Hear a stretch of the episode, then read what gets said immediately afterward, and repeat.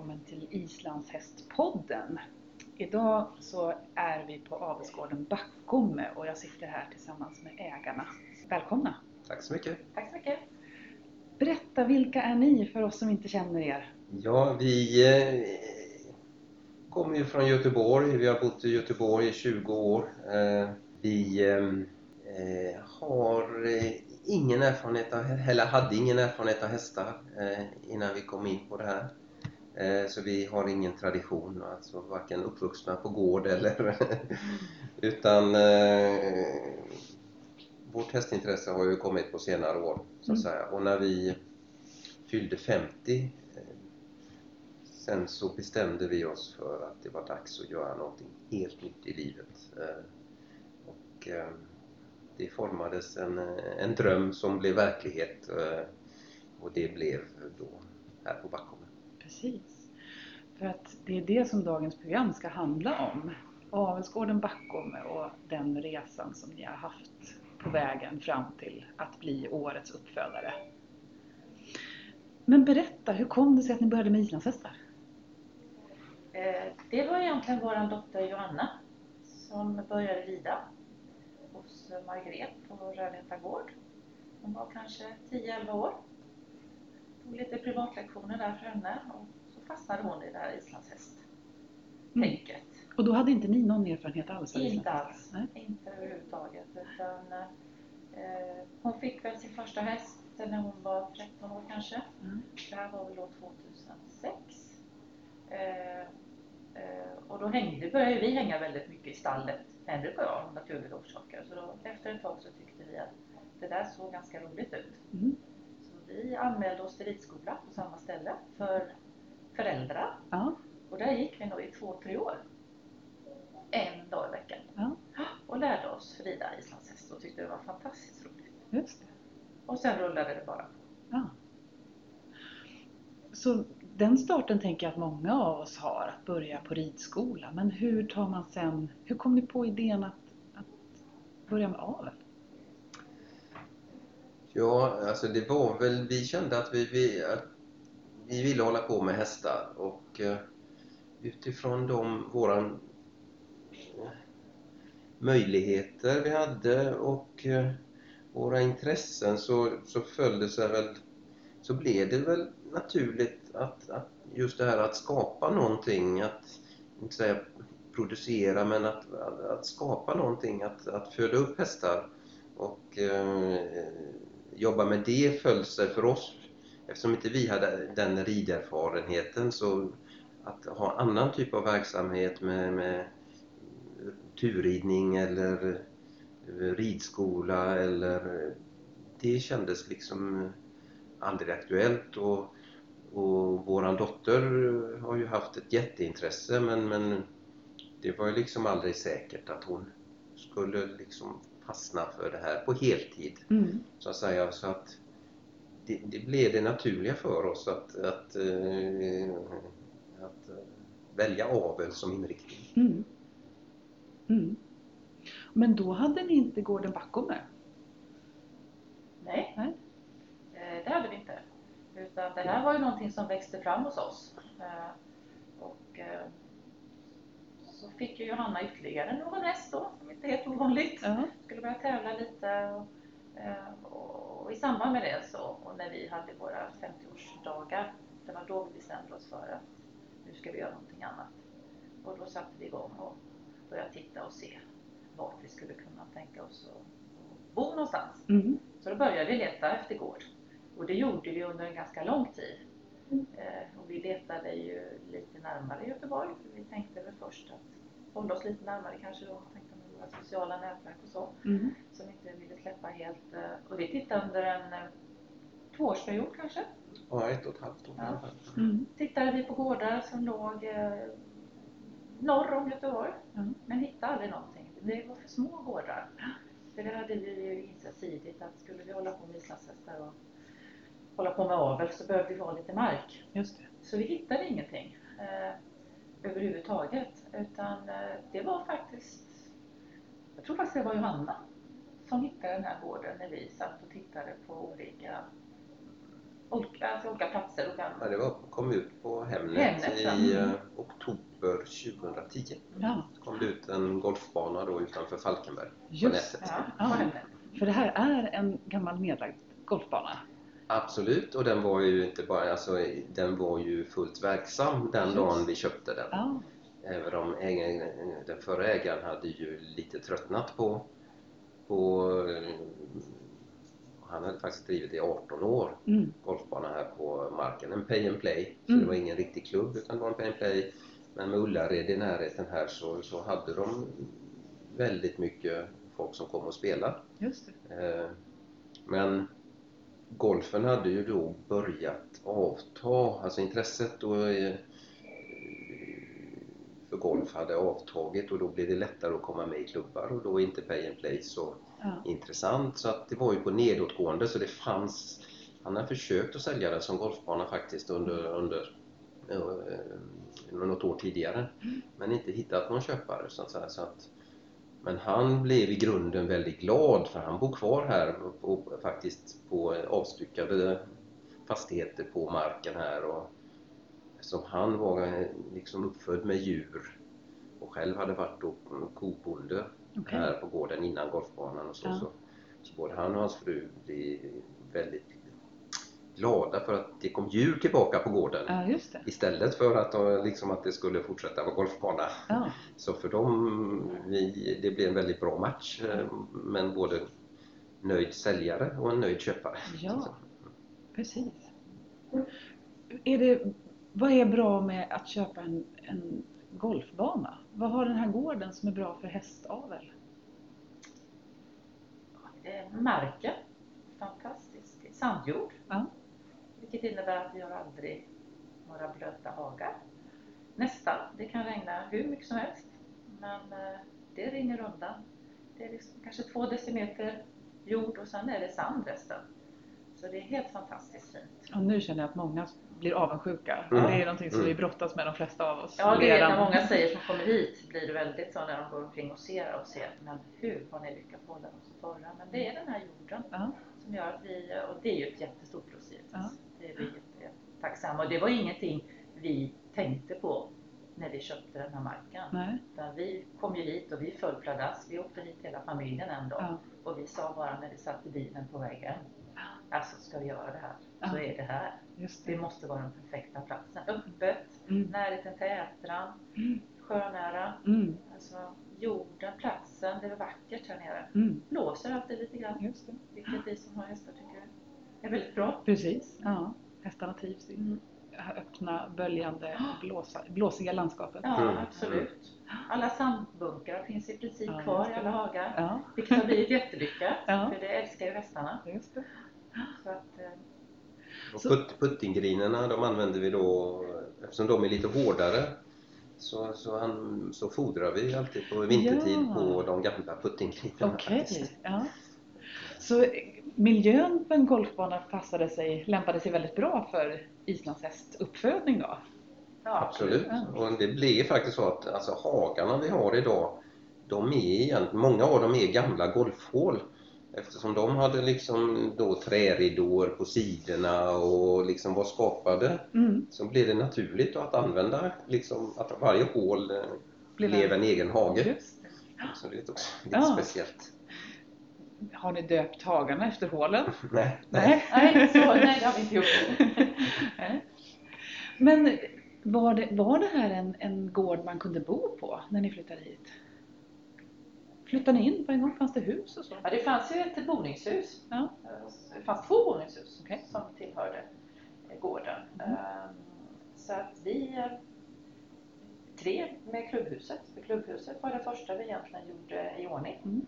till ett hus där vi bodde i ett och ett halvt år. Under tiden så byggde vi ett nytt hus där det gamla huset stod, där vi bor idag. Ja.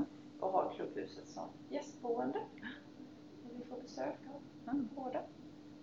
Och sen har vi ett hus då som, eh, ligger i hyr. Just det. Mm. Som ligger också i, i nära anslutning. Mm. Så vi bor ju alla på gården kan man säga. Alla som är aktiva på gården bor, i, gården. Mm.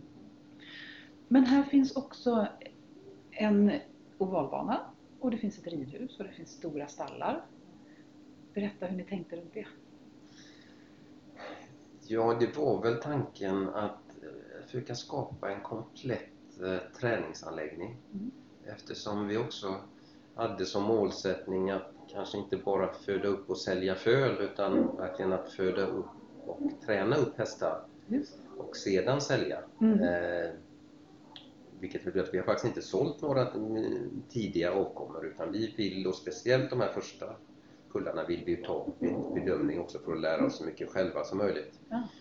Eh, man kan säga att vi var ganska inspirerade av eh, stora anläggningar på Island som vi hade sett då som var ganska nybyggda när vi var där 2009 Mm. med just det här med, med, med, med, med ridhus som sitter ihop med stallarna. Eh, eh, Så vi försökte göra allting så att det blev så praktiskt och, eh, och bekvämt att, att, att hantera och träna hästar och ge alla möjligheter. Mm.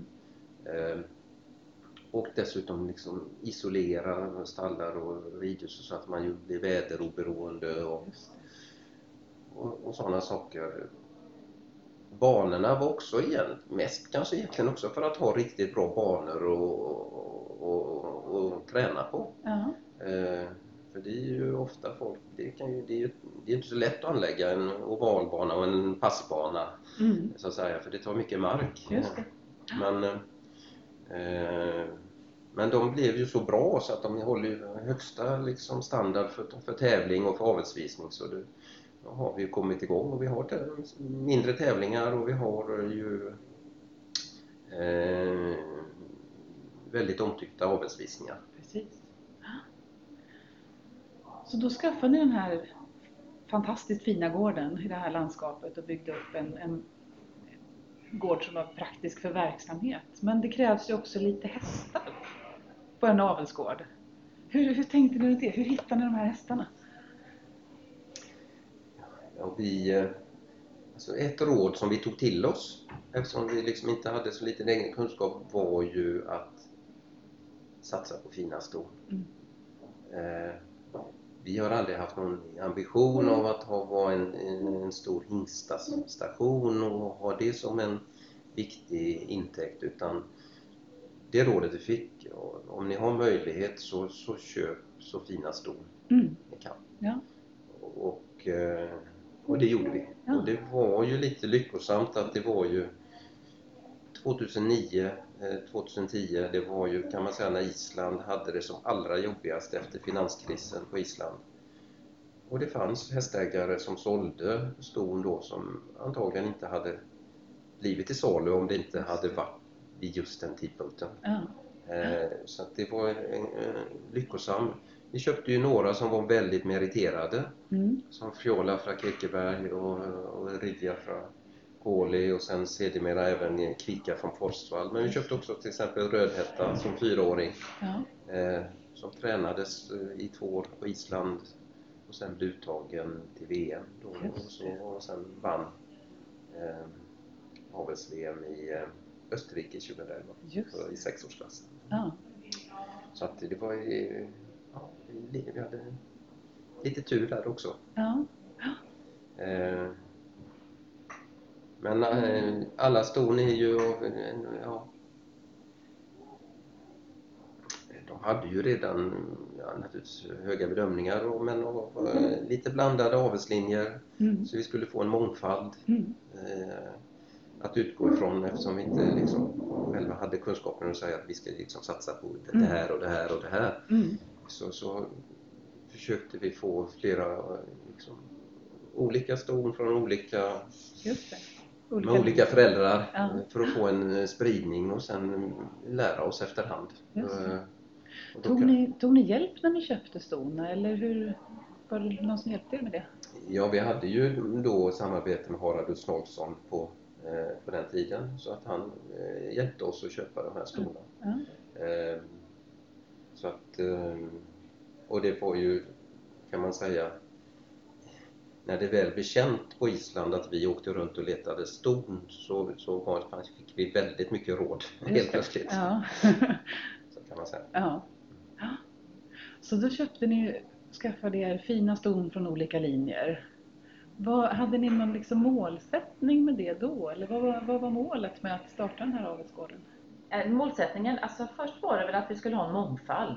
Ja, Och sen kunde ju inte vi så mycket. nej. Så att det här har ju varit en resa för oss också. Mm, Att eh, skaffa oss ett bra grundmaterial. mm, Eh, och sen eh, prova dem med hingstar som vi då trodde skulle passa. mm, Eh, försökt liksom få till det så bra som möjligt. Mm. Vi har givetvis tagit hjälp av kunniga personer som har hjälpt oss med det här. Men, men eh, använt våra egna hingstar mm, ganska mycket. Mm. Det har vi velat göra liksom för att vi vill ju lära oss också. Allting har ju kanske inte blivit bra men förhoppningsvis har lite blivit bra. mm, Eh, Så så eh, har vi väl tänkt. Eh, Och vi försöker ju få till, alltså, här på gården, vi, vi, vi vill ju ha alltså, förutsätt, alltså stona ska vara jättetrevliga. mm, Alltså det är jätteviktigt, det har det varit hela De ska vara trevligt, trevliga i lynnet. mm, De ska ha vilja, Mm. det vill vi ha för det tror vi är en förutsättning för att vi ska få till bra rishästar mm, och tävlingshästar. Man kan säga att ambitionen har varit som att försöka göra det så bra som möjligt. mm, mm, Alltså jag tror att om man har en passion för någonting så drivs man ju av att göra någonting bra. mm, vi hade möjligheter då att få en fantastisk start på avel som inte många har utan eh, genom att då börja med väldigt fina ston. mm, Eh, Men, men det är ju ändå alla om man älskar någonting så vill man göra det så bra som möjligt Ja. och, och naturligtvis och därmed blir ju målsättningen att det är ju inte så att vi har liksom eh, satt upp mål att vi skulle liksom mm, bli årets avlare i Sverige eller årets uppfödare i Sverige men eh, målsättningen är ju att försöka att göra det här så bra som möjligt och lyckas med det och då Mm. blir man själv lycklig. ja, Få fram bra hästar som kan få spridning ja, eh, runt om i Sverige och kanske inte bara i Sverige utan man kanske kan tänka lite större. just det. Så att vi hoppas att det vi gör ska få gagna aveln i Mm, överlag i mm. flera länder. Just det. Ni berättade också att ni behåller hästarna tills de är inridna och visade. För det är också ett system vi har med att kvalitetssäkra på något vis. Vi visar hästarna på avels... Vi har möjlighet att visa hästarna på avelsvisning Mm. och det finns också möjlighet att tävla i avel på internationell nivå. Har, har det här tänket funnits med i eran, i eran uppbyggnad av avelsgården? Att de ska visas och tävlas? Eller vad betyder utmärkelser för en avelsgård? Det blir ju det som, som stärker varumärket. Mm. Eh, Det handlar ju väldigt mycket om att eh, med islandshästen så blir ju gårdsnamnet också varumärket. Eh, Så att det handlar ju hela tiden om att, att stärka varumärket och det är ju ett sätt att göra på det. Och ett annat sätt är att, att, att, att, att ha en gård som att folk, mycket folk kommer hit och ser hur, hur, det, hur vi har det, Mm. hur vi hanterar hästarna, hur vi föder upp hästarna, hur hästarna mår. Och, Mm. och det är också en del att skapa det här varumärket bakom. eh, det. Men definitivt, det är klart att utmärkelser och, och priser är en eh, absolut någonting som vi eh, satsar på Mm. Mm. och tycker det är, blir så att säga ett betyg på, eh, på det vi håller på med. Mm. För att lyckas så behöver man ju många komponenter. Vi har pratat om den fina miljön här som är viktigt för att få fram bra hästar. Man måste ha bra material naturligtvis. Men sen har ni också tagit hjälp från olika håll. Just nu så är det Wigner som arbetar här och har gjort ett tag. Kan ni säga någonting om hur ni tänker runt samarbetet med andra, vilka ni tar hjälp av och hur ni, vilken hjälp ni behöver för att klara av att få fram Backo med hästarna? Eh, det är klart att det är ju en otroligt viktig del eh, att ha eh, tillgång till, om man inte själv har eh, kompetensen att, att träna eh, hästar så är det naturligtvis otroligt värdefullt att ha tillgång till eh, en, en, en bra tränare. Och eh, vi är otroligt glada för att, eh, eh, att vi började samarbeta med Vigner att han för fyra år sedan eh, valde att flytta hit till Backholme och, och driva sin egen verksamhet här på Backholme. Men då hela tiden i ett nära samarbete med oss. Och Mm. han är ju den som tränar alla våra hästar och han är ju en av världens absolut bästa tränare och avelsvisare. I vår värld så är han den bästa som, som man kan ha på gården och vi är väldigt otroligt glada för att vi, eh, att vi har ett så bra samarbete, att vi trivs så bra ihop och att vi har så roligt ihop. Mm. Lär oss något nytt varje dag. Ja, just det. Och allt det här har den fina gården, ert tänkande med bra ston, ta rätt hjälp har nu lett fram till att ni har blivit årets uppfödare 2016. Gratulerar till det! Mm, tack så Ja, mycket! Tack så mycket. Ska vi berätta vad det är för någonting? Hur blir man årets uppfödare? Vem är det som får den utmärkelsen? Eh, ja, det är ju eh, faktiskt ganska objektivt eh, framräknat. Så att det hänger ihop med hur, hur många hästar man visar. Eh, det hänger ihop med vilka bedömningar de får. Och det hänger ihop med hur eh, gamla hästarna är.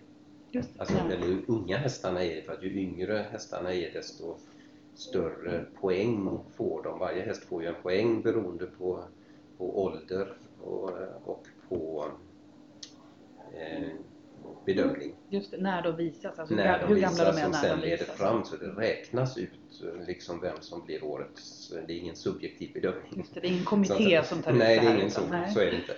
Utan, eh, och vi, eh, detta är ju egentligen ju vår första riktiga säsong. Vi, förra året det visade vi den första hästen född på Backholme men, men det vi visade också bara en häst Just det. förra året född från Backholme så då var vi naturligtvis inte aktuella. Men i år blev det då sju hästar Ja. som vi visade. Plus att vi visade om Atlas faktiskt också, men han ingår ju inte i våran avel. Vi visade sju hästar från Backholme. Eh, som alla fick eh, jättefina bedömningar och i och med att de dessutom var fyra och fem år allihopa Just så ledde det till att vi, att vi sammantaget fick då en, en hög poäng som räckte till att vi blev eh, då utsedda till eh, den här jättefina utnämningen då, Årets uppfödare. Hur många föl föds på Backholm ungefär varenda år? Eh, skulle säga mellan fyra och sju. Ja. Så det har varierat lite. Det, Plus, man kan säga plus att Vignir får ju tre, fyra föl just det, eh, han har varje år också. Totalt på gården så är det ju tio föl. Ja, ungefär tio För födelser. Vigge, Vigge har ju även sin egen uppfödning under gårdsnamnet Sundabacka Just det. eh, som också då är här på gården. Ja. Är det ett mål att utöka eller är det en lagom storlek att ha den som ni har nu? Vi tycker nog att det är ganska lagom. Ja. Vi skulle säga omkring fem föl. Sådär. Det är en ganska lagom mängd. Mm. De ska ändå tas om hand om Mm. Under de här åren. Så, att, eh, eh, så vi tycker det. Vi har hittat en ganska bra balans tror jag. Mm. På det. det är vad vi hinner med och mäktar med. Mm. Och vi tycker det är jätteroligt att få tid med alla hästar. Det. Det tycker vi känns jätteviktigt. Att vi ska ändå sköta om de här. Och det är ju jag och Henrik som framförallt tar hand om våra unghästar Just det. kan man säga fram till vi tar in dem då för inridning då. Och då tycker vi att det har varit en ganska lagom mängd, att man har kanske omkring fem i varje kull. Så Mm. att vi verkligen får lära känna dem och hinner med att hantera dem eller göra det vi ska med dem. Mm. Nu går ju de i flockar givetvis under den här tiden men det är ändå ganska mycket skötsel med dem. De ska vaccineras och verkas och Mm. allt sånt här. Så ni är själva med i allt det praktiska arbetet runt unghästarna? Ja, det har, varit, det har vi varit hela tiden. Ja. det har varit ett sätt för oss att lära oss. Så att vi hade ju aldrig gjort det. Nej. När första gången vi tog in de här första fölen när de var sex månader eller vad de var när vi skulle. Men, eh, så vi är med, det tycker vi är jättekul. Ja. Vi är med lite grann och får hantera dem lite sådär, lite lagom mycket. Och, så, det tycker vi har varit jättekul. Ja. Och sen så sköter vi ju naturligtvis också liksom mycket annat runt att du vet, skötsel och underhåll av gården. Ja. och markerna och, och det här som också är en viktig del för att hålla ihop det hela. Just det. Ja. Har ni, jag vet att, vi, att ni har hjälp som jobbar i stallet. Vi har pratat med dem här tidigare och gjort en annan intervju med dem om hur det är att jobba med hästar. Men har ni någon som hjälper till att sköta eh, gården? Det, det, när man kommer hit så ser det väldigt snyggt och välskött ut. Det är krattat och klippt Mm. Är det någon som Mm. hjälper er med det eller sköter ni det också? Ja, vi har, eh, dels har vi en pensionär som, som kommer hit och klipper alla gräsmattor åt oss. Okej. Helt enkelt för att han har inget att göra. Ja. Och han gör det av egen vilja. Ja. och vi tycker det är fantastiskt. Och han, eh, så han, han kommer och klipper alla gräsmattor åt oss, eh, vilket tar sex timmar tror jag att göra varje, varje gång. Eh, och sen har vi också en annan pensionerad månskensbonde och snickare som faktiskt var med gjorde sina sista arbetsår som, bygg, eh, snickare när man byggde gården. Ja. Eh, Men vi fick väldigt bra kontakt så när han gick i pension då vid 65 så fortsatte han att komma till oss. Han kommer tre halvdagar i veckan och, och tar hand mycket om maskinerna och, Mm. och, och, och betesputsar och, och fixar och donar och lagar och reparerar och, och, och hjälper till med sådana saker som, som är också fantastiskt värdefullt för Mm. oss. Just det. För det fortlöpande arbetet på en gård, vilken som helst, är ju en stor del av arbetet. Absolut, även om den här då är i huvudsak är nybyggd så är ju underhållet liksom än inte jättebetungande men, men det kommer ju. Det är, det- vi har redan bott här i, i eh, fem år. Så Mm. att, eh, och det blir ju mer och mer. Ogräset växer överallt kan man väl säga också. Om man inte har den efter det. Och vi är väldigt måna om att det ska vara fint på Mm. bakgården. Just det. Det är, Det intresse vi har. det är ett intresse vi har, Ja. att vi vill att det ska se snyggt och prydligt ut. Ja. Och hållas efter ordentligt. Just Så just. Mm, det ser man när man kommer hit. Ja, det är kul. Mm. Så ni har byggt upp den här fantastiska gården med fina hästar och har också fått kvittot från erkännandet från islandshästvärlden att ni har gjort ett bra jobb.